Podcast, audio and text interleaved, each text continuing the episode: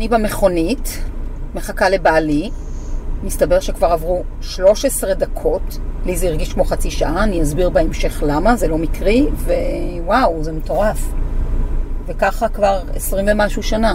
אתם מבינים? כאילו... וואלה, הנה. מה הפעם? אה, יו.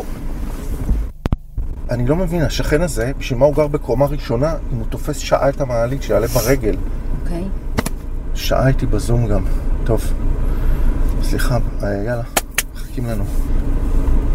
ומה שאתם שומעים עכשיו, זאת שתיקה רועמת. ברוכים הבאים, אני רותי רודנר, ואתם מאזינים לפודקאסט 25 שעות ביממה, בשיתוף עיתון הארץ, שעוסק בזמן ואיך להתנהל בתוכו. הפרק הזה עוסק במאחרים כרוניים, אנשים שלא ממש חיים בשלום עם הזמן האובייקטיבי ועם הנ"צדיקים שעליו, כלומר, השעות שבהן דברים אמורים לקרות כי מישהו אחר קבע אותם. ננסה להבין מה זה אומר עליהם, מה זה אומר עלינו, הממתינים הנצחיים, ובעיקר מה זה אומר על האופן שבו אנחנו חיים כולנו את מימד הזמן, שהוא הגיבור העיקרי של הפודקאסט הזה מכל מיני זוויות. נטפס עד לקומה ה-39 במשרד עורכי דין בולט, נשב על ספת הפסיכולוגית, תהיה פה גם מדיטציה, ואי אפשר בלי חוקר מוח. ורק עוד הבהרת מסע קטנה, הפרק הוקלט במהלך הסגר השני, אז יש שיחות שנאלצנו לעשות בטלפון או עם מסכה. 25 שעות ביממה, השפן של אליס, יצאנו לדרך. בואו נתחיל מלהכיר את התופעה מקרוב. קומה 39. אני במשרד עורכי דין גדול בפאתי תל אביב, צועדת לחדרו של חברי משכבר הימים, ירון רייטר, אחד משלושת השותפים הבכירים. אתם יודעים, אלה שהשמות שלהם זה השם של המשרד. היי ורד. היי, מה המצב? בסדר, מה קורה? ירון הגיע כבר? שאלה טובה. לא, מתי הוא אמור לבוא? לא יודעים. אוקיי. איך זה עובד בעצם? מתי את מקבלת ממנו טלפון אה, ראשון? מתי אני מקבלת הודעה שהוא בדרך למשרד, זה שתייה בבקשה. ואז אחרי שעה וחצי, אחרי שהקפה יתקרר, הוא מגיע. במידה והוא ממש צריך להגיע למשרד, אז הוא רושם אני עולה, וגם אז לא עוברות איזה לפחות 20 דקות עד שהוא מגיע. אה, צריך לקחת אותו מה הכללי זהב שלך של לארגן לו את היומן? כי זה די אמנות צריך להיות. לגמרי. אז קודם כל, כמו שאמרתי, לא לתאם אה, לפני עשר וחצי בבוקר, כמה שיותר מאוחר. אם יש לנו במקרה משהו שהוא בירושלים, לדוגמה דיון בירושלים, אז ירון ישן במלון בירושלים לפני. כמה זמן את עושה בין פגישה לפגישה? תלוי איפה הפגישה. אם זה במשרד, אז אני נותנת אה, חצי שעה, שעה. ואם זה משהו שהוא מחוץ למשרד, אז תלוי באיזה מקום זה. אם זה מתל אביב לירושלים, אז אני נותנת טווח זמן של לפחות שעתיים. כי אני יודעת שהוא איחר לפגישה הראשונה, סביר להניח הוא יצא ממנה באיחור, ואז הוא יאחר גם. אני יודעת שלכל פגישה הוא מגיע באיחור, אין מה לעשות. היום אה, את מוצאת את עצמך עדיין ככה מאוכזבת, מתוסכלת, או שאת... אה, לא, לגמרי, ממש לא. אני מקבלת את זה, כי זה הוא וזה הקסם שבו. כלומר, גם כשהוא מגיע באיחור, הוא נכנס, ואז יש את הקסם הזה שנכנס, ואתה שוכח לגמרי שהוא איחר. מדהים. לגמרי. טוב, אני אכנס למשרד לחכות לו ברשותך. בהצלחה. אז בינתיים, בעודי מחכה למאחר כרוני לראיון על איחור כרוני, יש לי קצת זמן לחפור. בשנים האחרונות אנשי המדע, מעולמות מדעי המוח ומדעי ההתנהגות, התחילו לחקור את נושא האיחורים. במחקר האקדמי הכי גדול שנערך בנושא, בין הסטודנטים של אוניברסיטת סן פרנסיסקו, אובחנו 17% מהנבדקים כמאחרים כרוניים. דוקטור דיאנה דלונזור מצא מתאם גבוה בין המאחרים לבין נטייה לדחיינות, בעיות של שליטה עצמית שבאו לביטוי למשל בשתייה מופרזת, אימפולסיביות והימורים, ובין איחורים לסימפטומים שקשורים להפרעת קשב, חוסר מנוחה וקושי במיקוד ובריכוז. דלונזור חילקה את מאות המאחרים שחקרה לכמה טיפוסים, כשהבולטים ביניהם היו הדדליינרים, אלה שבלי תחושת משבר לא מדרבנים את עצמם לפעולה. המפיקים, אלה שנוטים למלא את ראשם ברשימות אינסופיות של משימות קטנות שרק צריך להשלים, ומעריכים בחסר את הזמן שנדרש לביצוע המשימות הללו. והפרופסורים המפוזרים, אצלם, בדרך כלל מסיבות גנטיות, יש רצף שבין לקות קשב חמורה לפיזור דעת קליל וחוויית זמן פנימית שגורמת להם איחור ושכחה. נו, אסטרונאוטים. אלה שלושת הטיפוסים העיקריים, שאחריהם מאבחנת דלונזור את ארבע הסיבות השכיחות פחות. המתרצים, שלא באמת מודים באיחוריהם ומצדיקים אותם בסיבות שונות ומשונות. הנהנתנים, שחסרה להם שליטה עצמית. המתחמקים, שמאחרים בגלל חרדה חברתית ודימוי עצמי נמוך. והמורדים, שמאחרים כדי להפגין כוח וחוסר כבוד כלפי מסגרת וסמכות. תבחרו לכם מאחר כרוני מחייכם, הוא בטח יושב באחת הקטגוריות. אלה היו כמה דקות מנוצלות היטב להעברת הזמן בעודי מחכה לחברי המאחר הכרוני, והנה כבר עצה מספר אחת. תמצאו משהו טוב לעשות בזמן שאתם ממתינים. עכשיו נכנס לחדר סוף סוף עורך הדין רייטר, בעליו של משרד רייטר עמר ז'אן, אחד מעורכי הדין המובילים בארץ בייצוג חברות ענק נגד תביעות ייצוגיות. יש לך מזכירה שמסדרת לך את היומן. מה, מה ההנחיה שהיא עובדת איתה? לקבוע אחרי לפני הצהריים. בלי בוקר. אחרי לפני הצהריים. תסיק את המסקנה לבד. למה ייהרג ובל יעבור, אתה משתדל, משתדל לא לאחר. מאחר ואין דבר כזה של ייהרג ובל יעבור בכל מה שקשור לאיחורים, אז הייתי מת מזמן. אז ת, תנסחי את השאלה אחרת. למה אתה הכי מנסה לא לאחר? לקחת את הילדים שלי מהגן. אני קצת מקדימה את המאוחר, כי אנחנו רק בתחילת הפרק שלנו, אבל אם הגננת הייתה אומרת לך, על כל איחור אתה מקבל קנס, איחרת ברבע שעה, 100 שקל. הייתי מאחר יותר. אוקיי, אז אני כבר אומרת לך, תמשיך להאזין לפרק, כי הנושא הזה יעלה בהמשך. אם אפשר לקנות את האיחור בכסף, או במחיר כלשהו, בתשלום, שזה מסכמים אותו מראש, אין יותר קל מלאחר. כשאני מאחר למקומות שאסור לאחר אליהם, אני מתמלא בתחושות אה, של מיאוס, שנאה עצמית, תיעוב, לחץ, אה, ייאוש, אה, מין תחושה שאני סוג של פסולת DNA חסרת תוחלת ונטולת סיכוי לתיקון. זה שונה ממי שמחליט, נגיד, להפסיק לשתות אלכוהול או להפסיק סמים, ונשבר כל פעם מחדש, כי אז לפחות יש לו את ה... בקטע שבו הוא לוקח את הסם, אז אולי הוא מרגיש סבבה לאיזה פרק זמן מסוים, או מי ששותה אלכוהול, אז יכול להיות שבכמה דקות שהוא, שעה, לא יודע, הוא מרגיש טוב עם עצמו. באיחורים אין, אין תחושה של אה, סיפוק רגעי כלשהו. זה אתה, אתה סובל, סובל, סובל, סובל, מאחר, נושא בתוצאות וממשיך הלאה. אין לך היי. אז הדבר שאתה עושה לפני שאתה מאחר. הדבר שבגללו אתה מאחר, כן. הוא לא דבר טוב, הוא לא, רגע, אני אקח עוד ביס מהסנדוויץ', אני אתקלח קצת יותר באיזי לפני שאני יוצא בבוקר, אני אשמע שיר במכונית, זאת אומרת, הרגע שבגללו אתה מאחר, הוא לא הרגע של הכיף שעליו אתה משלם את המחיר? אני חושב שאם זה היה עובד בשיטה הזו, והיו שמים לי מאזניים, שבה בצד אחד יש את ההנאה מהפעילות שאני עושה לפני האיחורים, לעומת הסבל, המאזניים היו נופלות תוך שנייה לצד של הסבל. וזה לא, פה אני נהנה שמונה ופה אני סובל תשע. זה, פה זה אחד ופה זה מאה. אתה צריך איזה שוק של לחץ כדי לעבור ממצב למצב? כדי לצאת, כדי כן. להגיע? כן. מה, מה זה הדבר הזה? החוק השני של ניוטון, כדי שגוף ישנה את מצבו, צריך שתופעל עליו אנרגיה מסוימת, אחרת הוא נשאר במצבו. אצל אנשים רגילים, כדי לעבור ממצב למצב, צריך כמות מסוימת של אנרגיה. אצל אנשים כמוני צריך כמות פי עשר. תראי, הדבר הזה שגורם לך לקבל את ההחלטה לצאת ליעד, לשנות את המצב צבירה, הוא נגזר אה, אך ורק מזה שהמועד חלף. זאת אומרת, אם אני צריך להיות במקום מסוים ב-4 וחצי, והשעה היא 4.29, מבחינתי לא קרה שום דבר שצריך אה, לשנות את ההתנהגות שלי. אנחנו בתקופה שלפני המועד, וכל עוד אנחנו בתקופה שלפני שהגיע המועד, אין סיבה לצאת.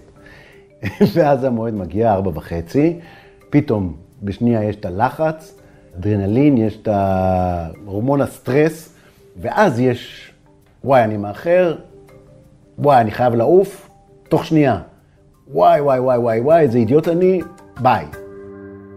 שאלתי את ירון ממתי הוא זוכר שהתכונה הזאת מודבקת לו. הזיכרון הראשון הקשה הוא מהטיול שלפני הגיוס. הטיסה הראשונה שלי הייתה לפני הגיוס לחו"ל, טסתי לאירופה, והטיסה חזרה הייתה אמורה להיות כשנגיע בזמן לגיוס. זו הייתה הטיסה הראשונה בחיי. אירוע מאוד מרגש וזה, וכמובן איחרתי לטיסה חזור. אני זוכר שאיחרתי את הטיסה. כשאתה צעיר, מדבר על סבל, אני זוכר איחורים שלי מהתקופה האחרונה שאני סובל. אבל אי אפשר להשוות את זה לרמות הסבל שעובר נער מפוחד בן 18, שהולך להתגייס לקורס טיס, ובתחושה שהוא מהיותו פסולת DNA מחרב לעצמו את החיים. כאילו, מאחר לגיבוש קורס טיס? איזה מין דבר זה? לא חושב שהיה מעולם פרח טיס שאיחר. תחושה שאתה הורס לך את החיים. וגם אתה תקוע בחו"ל, פעם ראשונה, אין טיסה, מה... זוועה, פשוט זוועה. בצבא, לדעתי בחצי שנה הראשונה יצאתי פעמיים, יצאתי פעם בשלושה חודשים. הייתי חוטף ריתוקים על ימין ועל שמאל, בכל מה שקשור להגעה לצבא, שם זה היה הכי נורא, אתה גם, יש לך את הדיכאון של, אה, אתה חוזר במוצאי שבת או ביום ראשון בבוקר לצבא אחרי שלושה חודשים שלא היית כי כבר קיבלת עונש, ואתה מאחר עוד פעם בדרך. זה נורא. אני זוכר את עצמי אז, זה פשוט נורא, נורא. עכשיו שאני חושב על זה, אחד מהמניעים שלי בחיים להצליח, להתקדם בשרשרת הפיקוד, זה להגיע בסופו של דבר לדרגה שבה אני יכול לאחר, ושאף אחד לא יעניש אותי. הסיבות לאיחורים הן אה, בדרך כלל אותו הדבר. הערכה לא נכונה של מתי צריך לצאת, מתי צריך להפסיק את הפעילות הנוכחית ולצאת במועד. הרבה אנשים שחיים או חוו בחיים, בחיים שלהם מאחרים כרוניים, חווים את האיחור של בני הזוג שלהם, של העמיתים שלהם לעבודה, כמשהו שהוא בעצם תוקפני כלפיהם.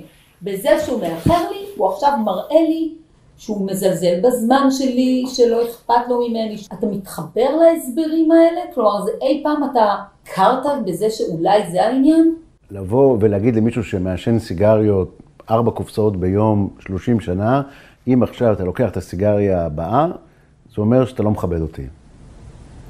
והוא לוקח את הסיגריה, ואתה מפרש את זה כאקט אגרסיבי, זה ברור שזה שטות. כי הבן אדם, הוא לוקח את הסיגריה כי הוא עושה את זה 40 שנה, כי הוא משן ארבע קופסאות ביום, כי אין שום כוח בעולם שיכול לעצור אותו מלקחת את הסיגריה.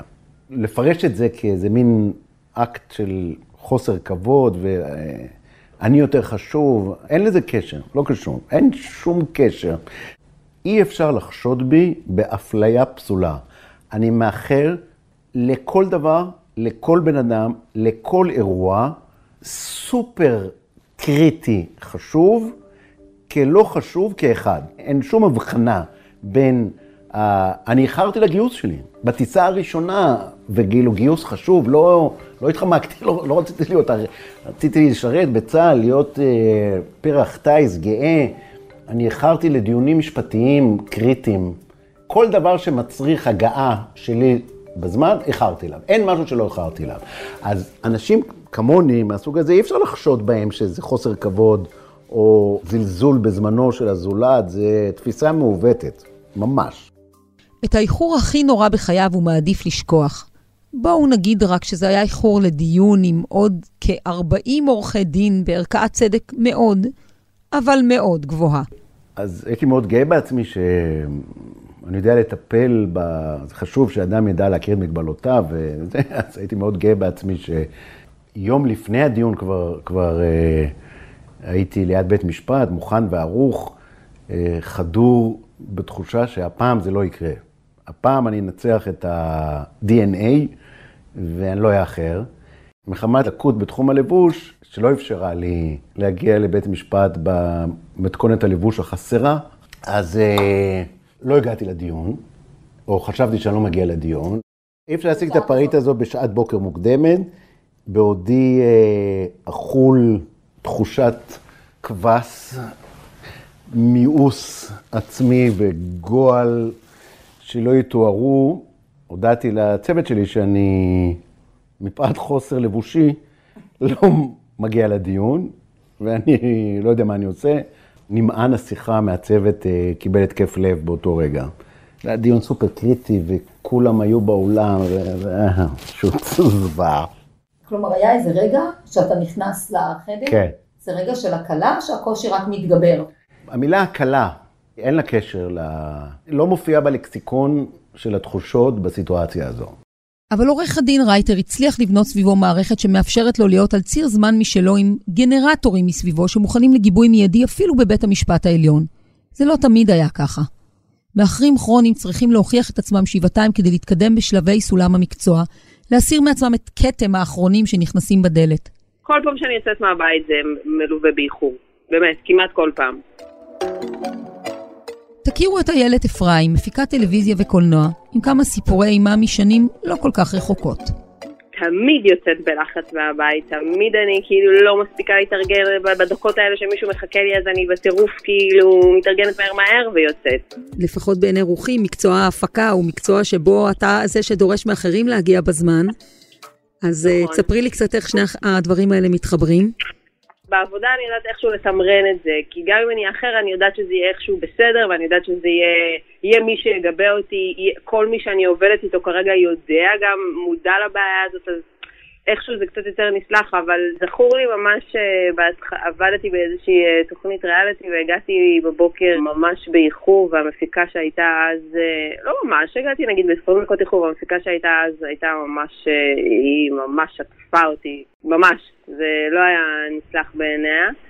אני חושבת אולי שגם משם איכשהו התחלתי להבין שבעבודה אני לא יכולה לעשות את זה. כלומר, זה היה איזה מין אה, מכת חשמל כזאת? כן, כן, אם עד אותו רגע הרוב מי שסובב אותי איכשהו סלח לגבי הדבר הזה, אז היא ממש לא. זה כזה ערער אותי. זה באמת הרבה פחות קריטי ממה שקורה בחיי האישיים. ובזוגיות? Uh, בזוגיות זה גרם ל... זה גרם להרבה, כן, הרבה ריבים, ויכוחים, זה נורא מעצבן שיש מישהו איתך שאתה נגיד צריכים לצאת וקובעים עם אנשים וכזה ואתה כל הזמן מאחר, כשהבן זוג לא.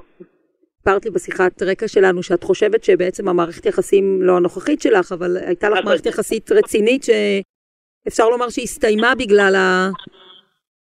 אני לא חושבת כן. שהיא הסתיימה בגלל זה, אבל uh, היא בהחלט הרבה ריבים וויכוחים נסובו סביב זה, כן. היה, היה הרבה, תמיד כאילו, תמיד שהיינו נוסעים למשפחות, uh, לארוחות משפח, משפחתיות בימי שישי אצל המשפחה שלהם, היו ממש כועסים, תמיד כאילו, זה לא היה מתקבל יפה, אף פעם, והיינו הרבה שנים ביחד. לפני שאנחנו משמיצים את ההורים הפולנים של האקס, בואו באמת נסתכל רגע על האיחור מהצד של המאוחרים, אלה שמאחרים להם. בטכניון בדקו ב-2003 חוויה של אנשים שממתינים בתור. התוצאות מובאות בחוברת מרתקת על זמן שערכו דוקטור עדנה כצנלסון ופרופסור אמירם רביב. התברר שאנשים מעדיפים תור שבו הממתינים מקבלים מספרים, שכן בעיניהם זהו תור מסודר יותר שמעניק להם תחושת ודאות חזקה יותר.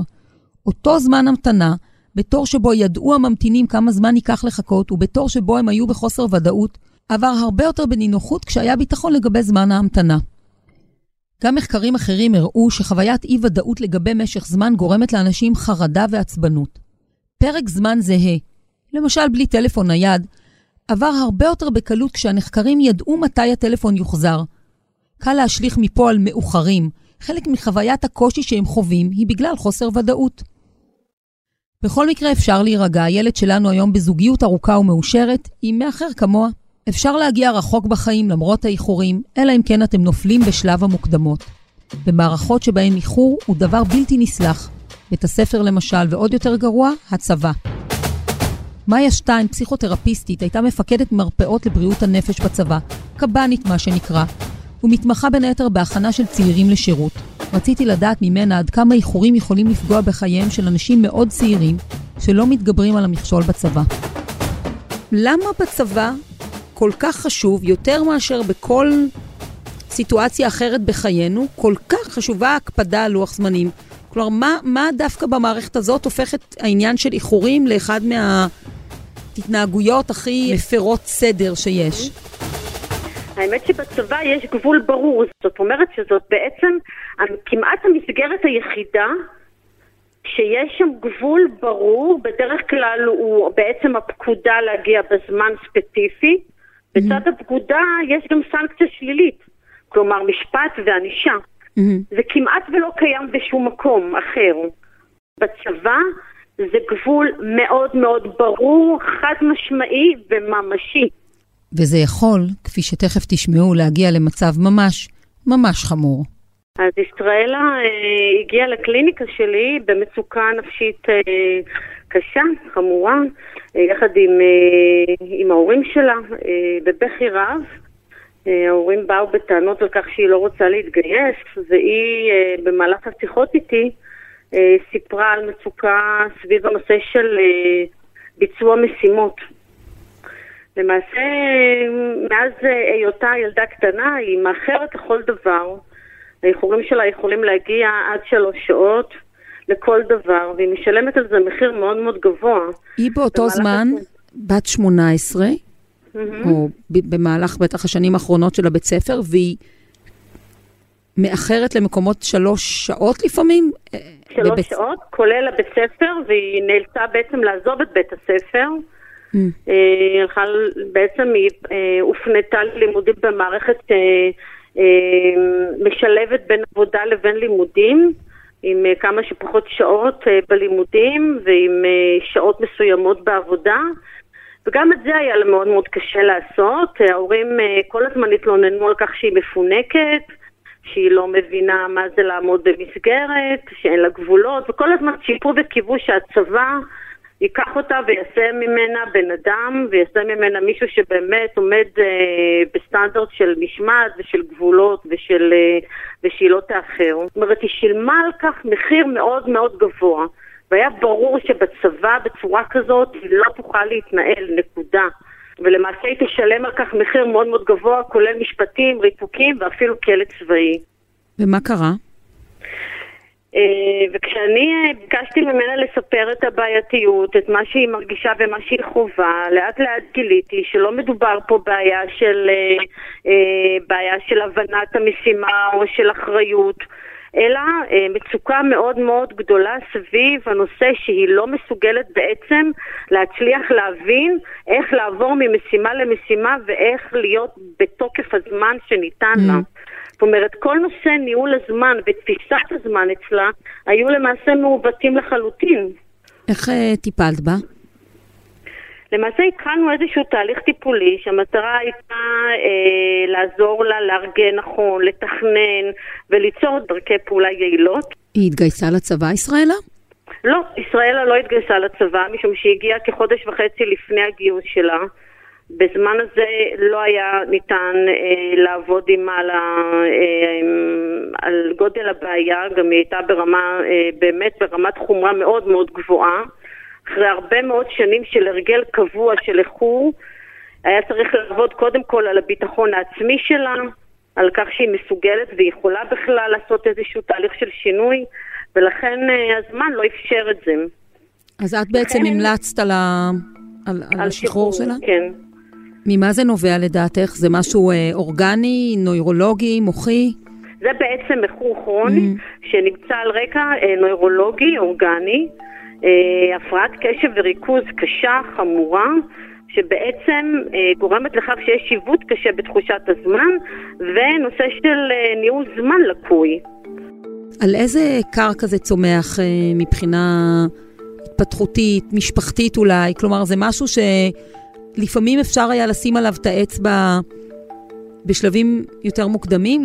אנחנו מדברים על איחור כרוני, אפשר לראות את זה, איחור כרוני כשפה, כתקשורת בין אנשים. לא משנה אם זה בין בני זוג, שאז זה איזשהו אה, אה, ביטוי למאבק כוחות בין בני הזוג, או בין חברים טובים, או בתוך המשפחה, אבל זה איזושהי שפה, שפה של תקשורת בין אנשים, כמובן דרך הביטוי ההתנהגותי ולא דרך הביטוי המילולי. כשאדם שהוא מאחר כרוני, יש לו קושי לקבל את ההבנה המעמיקה שיש זמן והוא אוזל. וזה בעצם ביטוי לקושי לקבל את עובדת המוות. אה, וחוויה נוספת אה, שדיברו עליה מבחינה דינמית או פסיכואנליטית מדברת בעצם על הצורך של המאחר הכרוני לשלוט. אם הוא לא שולט בזמן, אז הוא לפחות שולט בזולת. ולכן אה, אנחנו מדברים על כך שבמקרים מסוימים מאחרים כרוניים בתוך התהליכים הטיפוליים אה, עוברים איזשהו תהליך מעמיק ומתחילים להבין בצורה אה, יותר מעמיקה שהם בעצם סובלים מצורך נסתר ואובססיבי באיזושהי שליטה במשהו בחיים, ואם זה לא הזמן, זה לפחות באחר. אבל הרבה פעמים התוצאה של איחור היא דווקא אובדן שליטה. אתה, יש, אתה מגיע לתוך אה, סיטואציה שעוינת, אה, סיטואציה שהתחילה בלעדיך, כלומר המון המון רגעים שדווקא גורמים לך לשלוט בצורה פחות טובה בסיטואציה. איך זה עובד הפרדוקס הזה? אוקיי, אז אה, זה נכון רותי בדקה השנייה, אבל בדקה הראשונה אותו אדם שאנחנו יכולים להחשיב אותו מבחינה דינמית כאגם אגוצנטרי או כנרקיסיסט, הוא מדבר בעצם על כך שהחוויה שלו, שהוא עושה כרגע, היא החשובה ביותר מכל דבר אחר.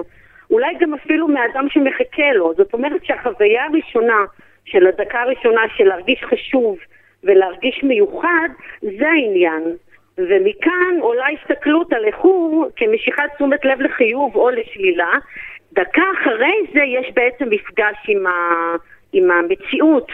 וזה בעצם מה שאת מדברת עליו כמפגש עם המציאות, עם הסובבים אותו, שבעצם או יכולים מצד אחד לקבל את זה, או אפילו להתרעם על זה, לכעוס על זה, אה, לנסות להעביר אותו איזשהו מחיר מסוים על הסיפור הזה, אבל זה הדקה השנייה, הדקה אחרי. Mm-hmm. הדקה הראשונה שהיא דקה של הצלחה, של חוויה של מיוחדות. אז מטפלי הנפש לא מבטלים את ההסבר של פרויד, אבל מכירים באפשרות של לקות מוחית ביולוגית, שכנתם להפרעות של הקשב והריכוז, שמטה הייתה התנהגות פעם אחר פעם לכיוון שגורע מאיכות חייו של המאחרן. ואלה שסביבו, כן, כן, לא שכחתי ולא סלחתי. אבל היי, תום שונברג, חוקר מוח, קבלת החלטות והתנהגות מאוניברסיטת תל אביב, ממש לא בטוח שיש פה בכלל בעיה. תסביר לי רגע איך אתה תפסת את האיחורים של עצמך. מה זאת אומרת? אופטימיזציה של הזמן. כלומר? time is money. למה שאני אעשה עכשיו משהו בזמן? הרי, מה, האיחור הרי זה להפסיק משהו שאתה עושה מוקדם יותר, כדי להגיע למשהו אחר בזמן. נכון? יש פה כל הזמן הרי ניהול של כמה הזמן, נקודת הזמן שלי עכשיו שווה את זה, נכון? בשביל שאני אגיע בזמן לפגישה הבאה שלי. כמה זה שווה לי הפגישה הבאה שלי, כמה זה שווה לצד השני. יש פה מערכת שיקולים אינסופית. מה זאת אומרת? גם היום, שאמרנו, רגע, טוב, ניפגש בעשר וחצי, כתבתי לקראת 11, אמרתי, אוקיי, אז אני יכול להספיק להדור עוד כמה דברים בגינה, למלא כמה שקי חול, להרטיב את האבנים, להאכיל את הכלבה, לקחת את כל... מה זה, זה אופטימי לחלוטין, ומתי... והגעתי ב-11:00, שמבחינתי, אגב, זה היה איחור, אבל... כי התכוונתי לבוא בחמש דקות ל... אבל זה הכל אופטימיזציה של הזמן, זה לא מתוך חוסר אחריות. value-based decision making, קבלת החלטות מבוססת ערכים. אספקתי יותר באותו משאב. מה אה, צריך לגר... לגרום לבן אדם להחליט שיום אחד הוא מטפל בבעיית האיחורים שלו? value-based decision making. מה המחיר שאתה משלם על האיחורים? זאת אומרת, שוב, לפחות בסוג האיחורים שאני מרגיש, אז זה אומר שאתה צריך לעשות ויתור על משהו. זה ההבנה שזה לא מתאים. זאת אומרת, בתוך זוגיות, אם אתה מאחר ואשתך זה נורא נורא חשוב לו, וזה ממש פוגע בכם, אז תפסיק לאחר. זאת אומרת, זה הבנה הדדית שאתה, זה יכול לפגוע בך. אתה מאמין בעונשים כדרך לגרום לאנשים לא לאחר, או בפתרונות אז, אחרים? אז, אני לא חושב, והמדע מראה שעונשים זה לא דרך יעילה לשינוי התנהגות, לטווח הארוך. משהו חיובי זה דרך שינוי התנהגות לטווח הארוך. זאת אומרת, שוב, בסוג האיחורים שלי, אוקיי, אני מאמץ, אני, יש לי הבנה חברתית. אני חושב שלפעמים זה נובע מאיזשהו ניתוק חברתי, שאתה לא מבין מה כל כך עשית רע. מה קרה אם איחרתי ברבע שעה? אז הדוקטורט שלי על מערכת החיזוקים במוח, והמוח שלנו הוא מערכת שכל הזמן עושה ציפייה לעומת מה שקרה בפועל. זה קרה לי בארצות, בכנסים הרבה דברים, הרבה פעמים. אנשים מגיעים מוקדם, ואז פתאום יש לך שיחה בלתי אמצעית עם אותו בן אדם. אז גיליתי שאתה יכול לפגוש אנשים ולנהל שיחות מאוד מעניינות ופרסונליות אם אתה מקדים. אז הנה, זה חיזוק, כי זה היה מעבר לציפיות שלי. גם הגעת, גם לא התנשפת, גם לא הגעת מזיע, גם יכולת לעלות במדרגות ולשתות כוס מים לפני, נכון? אז זה נותן לך איזשהו חיזוק חיובי. לעומת זה שהעונש, העונש שאתה מאחר, אנשים תמיד מאחרים לכנסים, אז כל האולם רואה אותם שהם הגיעו אחרונים. בסדר, אז כל אחד מחשב לעצמו. אז אין ספק שבסיפור הזה, אם מישהו רוצה להימנע מאיחור, הוא צריך להתמיד, שהמערכת שלו תתכוונן ויראה שזה סך הכל פתאום נורא נחמד להגיע לפני הזמן. אוקיי, okay, אבל אתה יודע לרשום לעצמך, המוח יודע לרשום לעצמו נקודה? אתה צריך כל הזמן פידבק.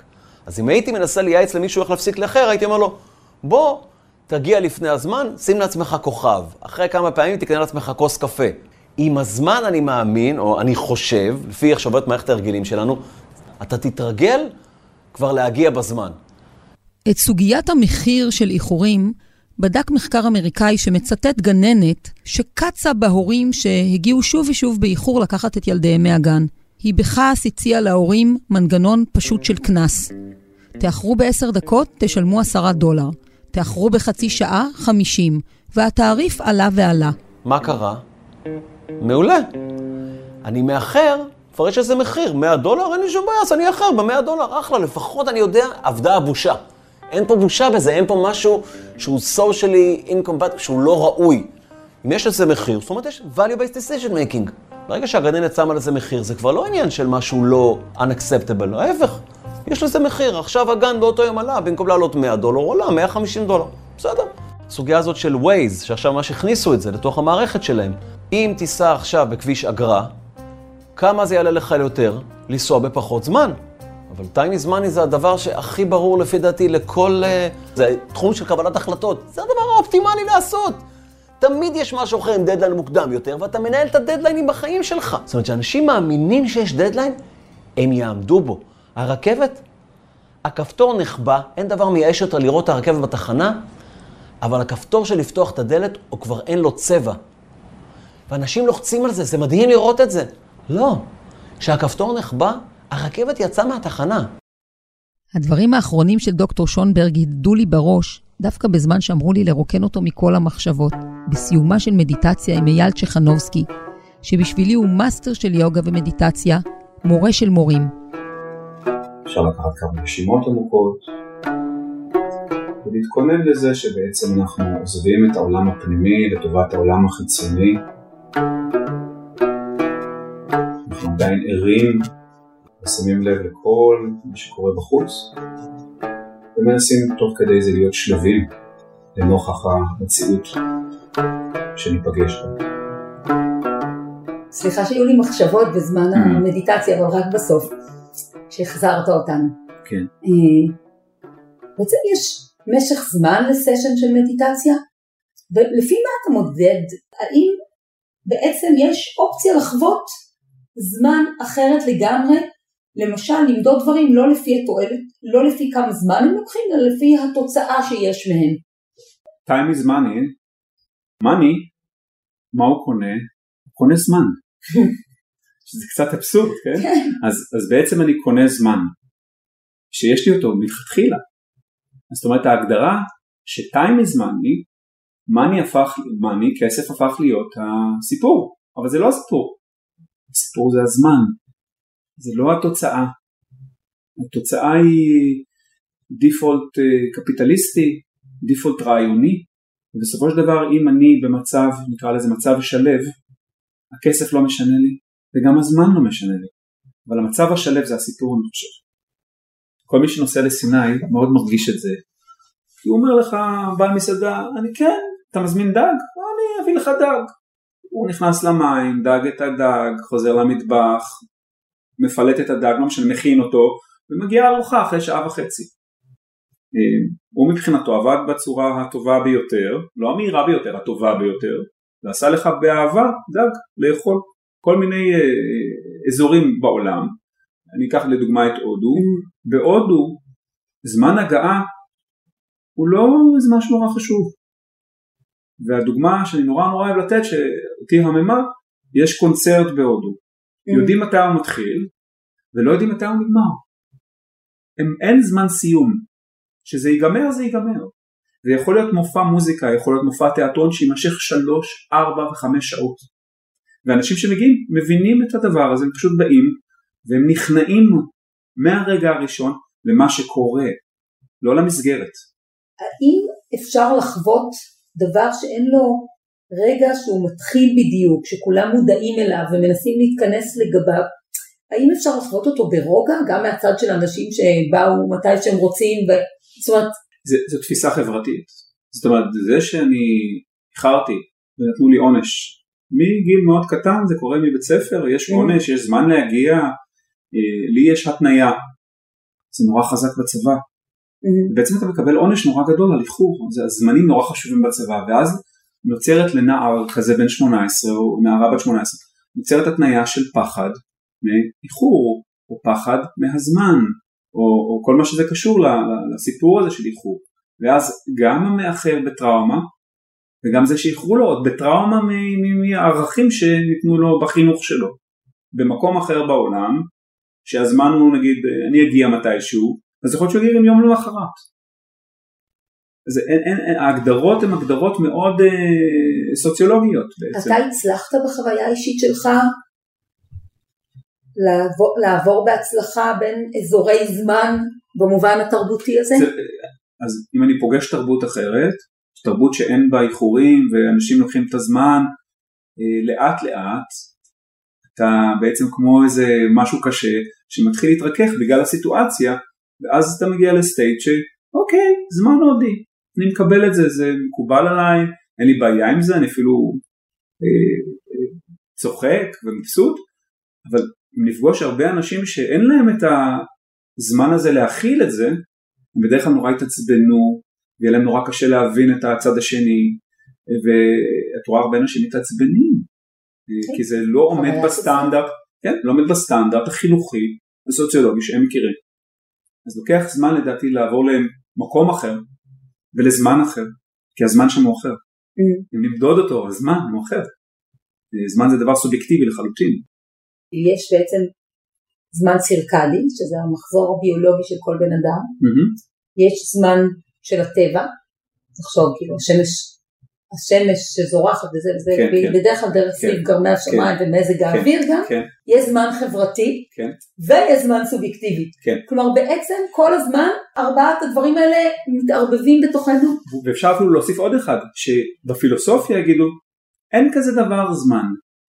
במצב אה, מדיטציה, למה אנשים אומרים, אה, איך הזמן עובר, ש... הזמן עובר שנהנים, הזמן עובר מהר. אפשר להגיד גם שאין זמן שנהנים. זאת אומרת, נעלם מימד הזמן נעלם, ושמימד הזמן נעלם, זאת אומרת שאני הייתי מאוד מאוד, אני חוזר רגע לפיצ'ינגס נורא ידוע, של להיות פרזנט, להיות נוכח. ברגע שאתה נמצא נוכח ברגע הזה, זמן לא מתקיים שם, כי אין עבר ואין עתיד. הזמן מתקיים באופן יחסי לעבר ולעתיד. עכשיו ברגע הזה אין זמן. נשמע קצת אה, פילוסופי, אבל זה פילוסופי. אין זמן שאני עכשיו פה עכשיו, ואני בדיוק ברגע, הזמן אין לו משמעות. מדהים. אז באמת קצת היסטוריה של הזמן, שזה ביטוי מעגלי בפני עצמו, אבל מילא. בנג'מין פרנקלין, מאנשי הרוח והמדע הבולטים בארצות הברית הטריה ומחותמי הצהרת העצמאות, טבע בסוף המאה ה-18 את המשפט time is money, והסביר בפשטות. אם אתה מחסיר חצי מימי העבודה, אתה מבזבז חצי מהמשכורת שלך. הביטוי הזה הפך להיות סמל לתרבות שלמה בהשראת הנוצרים הפוריטנים שהאמינו בעבודה חמורת סבר קפדנית שבאה על חשבון עשייה יוקדת ואמוציונלית, והשליכו את זה על כל תחומי החיים. חוקר הזמן הנודע יוסף מאלי מוסיף על זה, עד כדי כך הוטמעו הנורמות שגם פעולות פשוטות ובסיסיות כאכילה ושינה הפכו מדודות. בני אירופה התרגלו לאכול לא כאשר היו רעבים, אלא כאשר הורה השעון על השעה היעודה לכך. הם פרשו לישון לא כאשר היו עייפים, אלא כאשר הגיעה השעה לכך.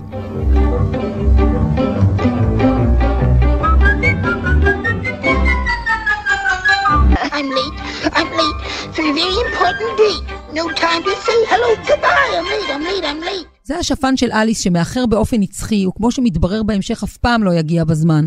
כנראה הערה פילוסופית של לואיס קארול על רוח התקופה, שבה אתה לא נמצא בשום מקום מרוב שאתה רוצה להגיע למקומות. אבל כל עוד אנחנו לא מהגרים לאזור זמן אחר או לסיני, מה בכל זאת אפשר לעשות? נתחיל מחוקר המוח שמכיר כמה טריקים לעבוד על עצמנו. אמרת בצורה מאוד נחרצת את העובדה שעונשים ואיומים לא מספיקים. אה, מהזווית של, של חקר אה, התנהגות אה, מחירים וקבלת החלטות, מה לדעתך אפשר לעשות? רק שינוי התנהגות חיובי. זאת אומרת, אם זה חשוב לך לך, אז תבנה לעצמך מערכת קטנה של חיזוקים, כמו טבלה של כוכבים לילדים שנגמלים, יש משהו במאחרנים שאתה פתאום נוסע רגוע. אם זה מפריע לך לך, ואתה עצבני, ואתה מאחר, ומפסיד עבודות, אז בוא תיקח לעצמך, תגיד, תרמה לעצמך ביומן. קודם כל הטריקים הקטנים של הרמאות עובדים. שים לעצמך טריק קטן, תקדים את הפגישה בחצי שעה ביומן. תתחיל לנסוע בתחבורה ציבורית, זאת אומרת להסתמך על כוחות עליונים, זאת אומרת אני חייב לקחת רכבת קודם. ווייז ממש, ווייז הוא עושה איזה time travel ומאפשר להפחית את הלחץ באיחור. זה כמו, זה כמו טיסה, אתה לא תיקח קונקשן של שעה. תחושה של אין לך את השליטה העצמית שלך, אתה פתאום נפטר מתופעת, אתה כבר לא מאחרן. לאיילת אפרים המפיקה יש אסטרטגיית איחורים, כמו שתום שונברג אומר, היא הגיעה למצב שזה שווה לה את המחיר. אני, אני עובדת על זה, אני מנסה, אני מצמצמת איחורים, בוא נגיד ככה, אני לא, לא יכולה להגיד שאני לא מאחרת, אבל אני מאוד מאוד מאוד משתדלת לצמצם איחורים, אני עובדת על זה, אני מטפלת בעצמי, זה משהו ש... בוא נגיד שאם כשהייתי יותר צעירה, אה, פשוט חשבתי שאנשים שמסביבי חייבים פשוט להתמודד עם זה, וזו בעיה שלהם אם לא מתמודדים עם זה, זאת אני, אז היום אני מבינה שהבעיה היא בי. בשביל להתגבר על זה, אני באמת מעדיפה היום נגיד שכן, שתאסוף אותי מונית, ולא להגיע בכוחות עצמי, כי אז אני יודעת שאני מתחי... אני כאילו מתחייבת למישהו, יש מישהו שמחכה לי, יש מישהו שצריך לאסוף אותי, אז אני לא יכולה לאחר לו, אבל גם, גם בזה, דרך אגב, אה, אנחנו נגיד תמיד עובדים עם אותה חברת מוניות, אז הם כולם יודעים שאני כאילו מסומנת, כולם יודעים שאצלי כנראה הנהג יחכה כמה דקות. שזה טוב כמה דקות, לא? כן, כמה דקות זה ממש, תמיד כשאני מגיעה באיחור של נגיד 5-10 דקות לחברים, אז, אז הם כאילו מבחינתם זה ממש עמדתי במשימה, ממש הצלחתי להגיע בזמן. ואפילו רייטר, העורך דין המצליח שהיומן שלו מתחיל ב-10 וחצי בבוקר, מצא פתרון. אחרי הריטלין אני מאחר פחות באופן משמעותי. תופעה שקשורה לאיחורים שלובה בבד בבד, שזה הדחיינות. שכל דבר שאפשר לדחות למחר, תדחה למחרתיים. כמעט נעלמה. לי יש הפרעת קשב של לא ADHD, אלא ADD. כלומר, לא סובל מעודף פעלתנות. אנשים שמאחרים הם, אה, כמוני למשל, הם מאחרים כי הם אה, ההפך מפעלתנים. לא בא להם לזוז. וזה גורם לך לזוז. זה מזיז אותך. אם אנחנו מחפשים מפתח אחד להצלחה המקצועית של שלושת המאחרים הכרוניים שלנו כאן בפרק, נראה לי שהפסיכולוגית מאיה שטיין מיטיבה לנסח אותו. תגידי, אה, יש תקווה למאחרים כרוניים? צריך קודם כל לקבל את העובדה ולקחת אחריות על כך שמדובר באיחור כרוני, כי הרבה פעמים המאחרים הכרוניים יכולים לבוא ולהגיד, אני מצטער, קרה לי ככה וככה, או קרה לי ככה וככה, והם לא ממש מסתכלים על התמונה המלאה. אני חושבת שקודם כל זה מתחיל בלקחת אחריות ולהגיד, אני מאחר כרוני, ומכאן צריך באמת לעשות איזושהי עבודה טיפולית כזאת או אחרת כדי לסייע לעצמך לעשות את השינוי. אבל השינוי מגיע קודם כל מתוך הקבלה. של לקחת אחריות על העניין ועל הבעיה, ולהבין שאתה גורם לסבל לא רק לעצמך, אלא בהחלט גם לסביבה שלך. ואם כל זה לא עוזר, אז הנה עוד כמה עצות שאספתי בשבילכם. תשקרו לעצמכם על זמן של פגישות, כמו חברתי סיוון שרושמת לעצמה ביומן בכוונה שעה לא נכונה. כדי לפגוש אותי בתשע, היא רושמת ביומן שמונה ותמיד מגיעה בזמן. לא ידעתי אפילו שהיא מאחרנית, עד כדי כך. תעשו outsourcing לניהול הזמן שלכם, כמו המונית של הילד שמחכה למטה, במקום שהיא תיקח את המכונית בניחותא מהחנייה. תתחילו במחויבות קטנה אחת לשיפור ותראו אם אתם עומדים בה. החיזוק החיובי חשוב כדי לקבל תקווה. נגיד, תחליטו שאתם לא לוחצים יותר על סנוז על השעון המעורר ומתחייבים לקום בצלצול הראשון שלו. תהנו מהבוקר שנהיה יותר רגוע ואז תתקדמו לצעד הבא. תכירו את תפיסת הזמן הסובייקטיבית שלכם. קחו כמה משימות יומיומיות, תרשמו כמה זמן הן לוקחות לפי דעתכן. נגיד, מקלחת בבוקר שמונה דקות. ואז, ממש תפעילו סטופר כשאתם נכנסים להתקלח. כך גם לגבי הפרידה מהילד בגן או העצירה בסופר לקנות כמה דברים. הבנתם את העיקרון. תוכלו לראות איפה נוצרים הפערים ביניכם לבין הזמן האובייקטיבי ולתת לעצמכם דיווח יותר אמין. אם אתם מאלה שמאחרים כי הם לא רוצים להקדים ולבזבז זמן, תתכננו לעשות משהו בזמן הזה כדי שלא תרגישו פראיירים אלא מורווחים. למשל שיחת טלפון שדחיתם, שתיקח לכם כמה דקות. ולסיום, מול הזולת, תאמצו מדיניות הודעה כנה על האיחורים שלכם. לא עוד ממי אני מגיע עוד כמה דקות כשמדובר בחצי שעה. הזמן של הבן אדם שמחכה יעבור בצורה הרבה יותר סבירה ותשלמו פחות על האיחור. עד כאן הפרק השני של 25 שעות ביממה. אשמח לקבל מכם שאלות, השגות, הערות ותוספות. מבטיחה למצוא את הזמן לקרוא את הכל ולענות. תודה רבה לאמיר פקטור ולמאיה בן ניסן על ההקלטה והעריכה. עיתון הארץ שותף להוצאת הפודקאסט הזה, ואתם יכולים למצוא אותי כמובן באתר הארץ, וגם בעמוד הפייסבוק של 25 שעות ביממה, באתר שלי 25 hours a day, ובספוטיפיי, אפל או גוגל, כל פלטפורמה שבה אתם שומעים את הפודקאסטים שלכם. להתראות.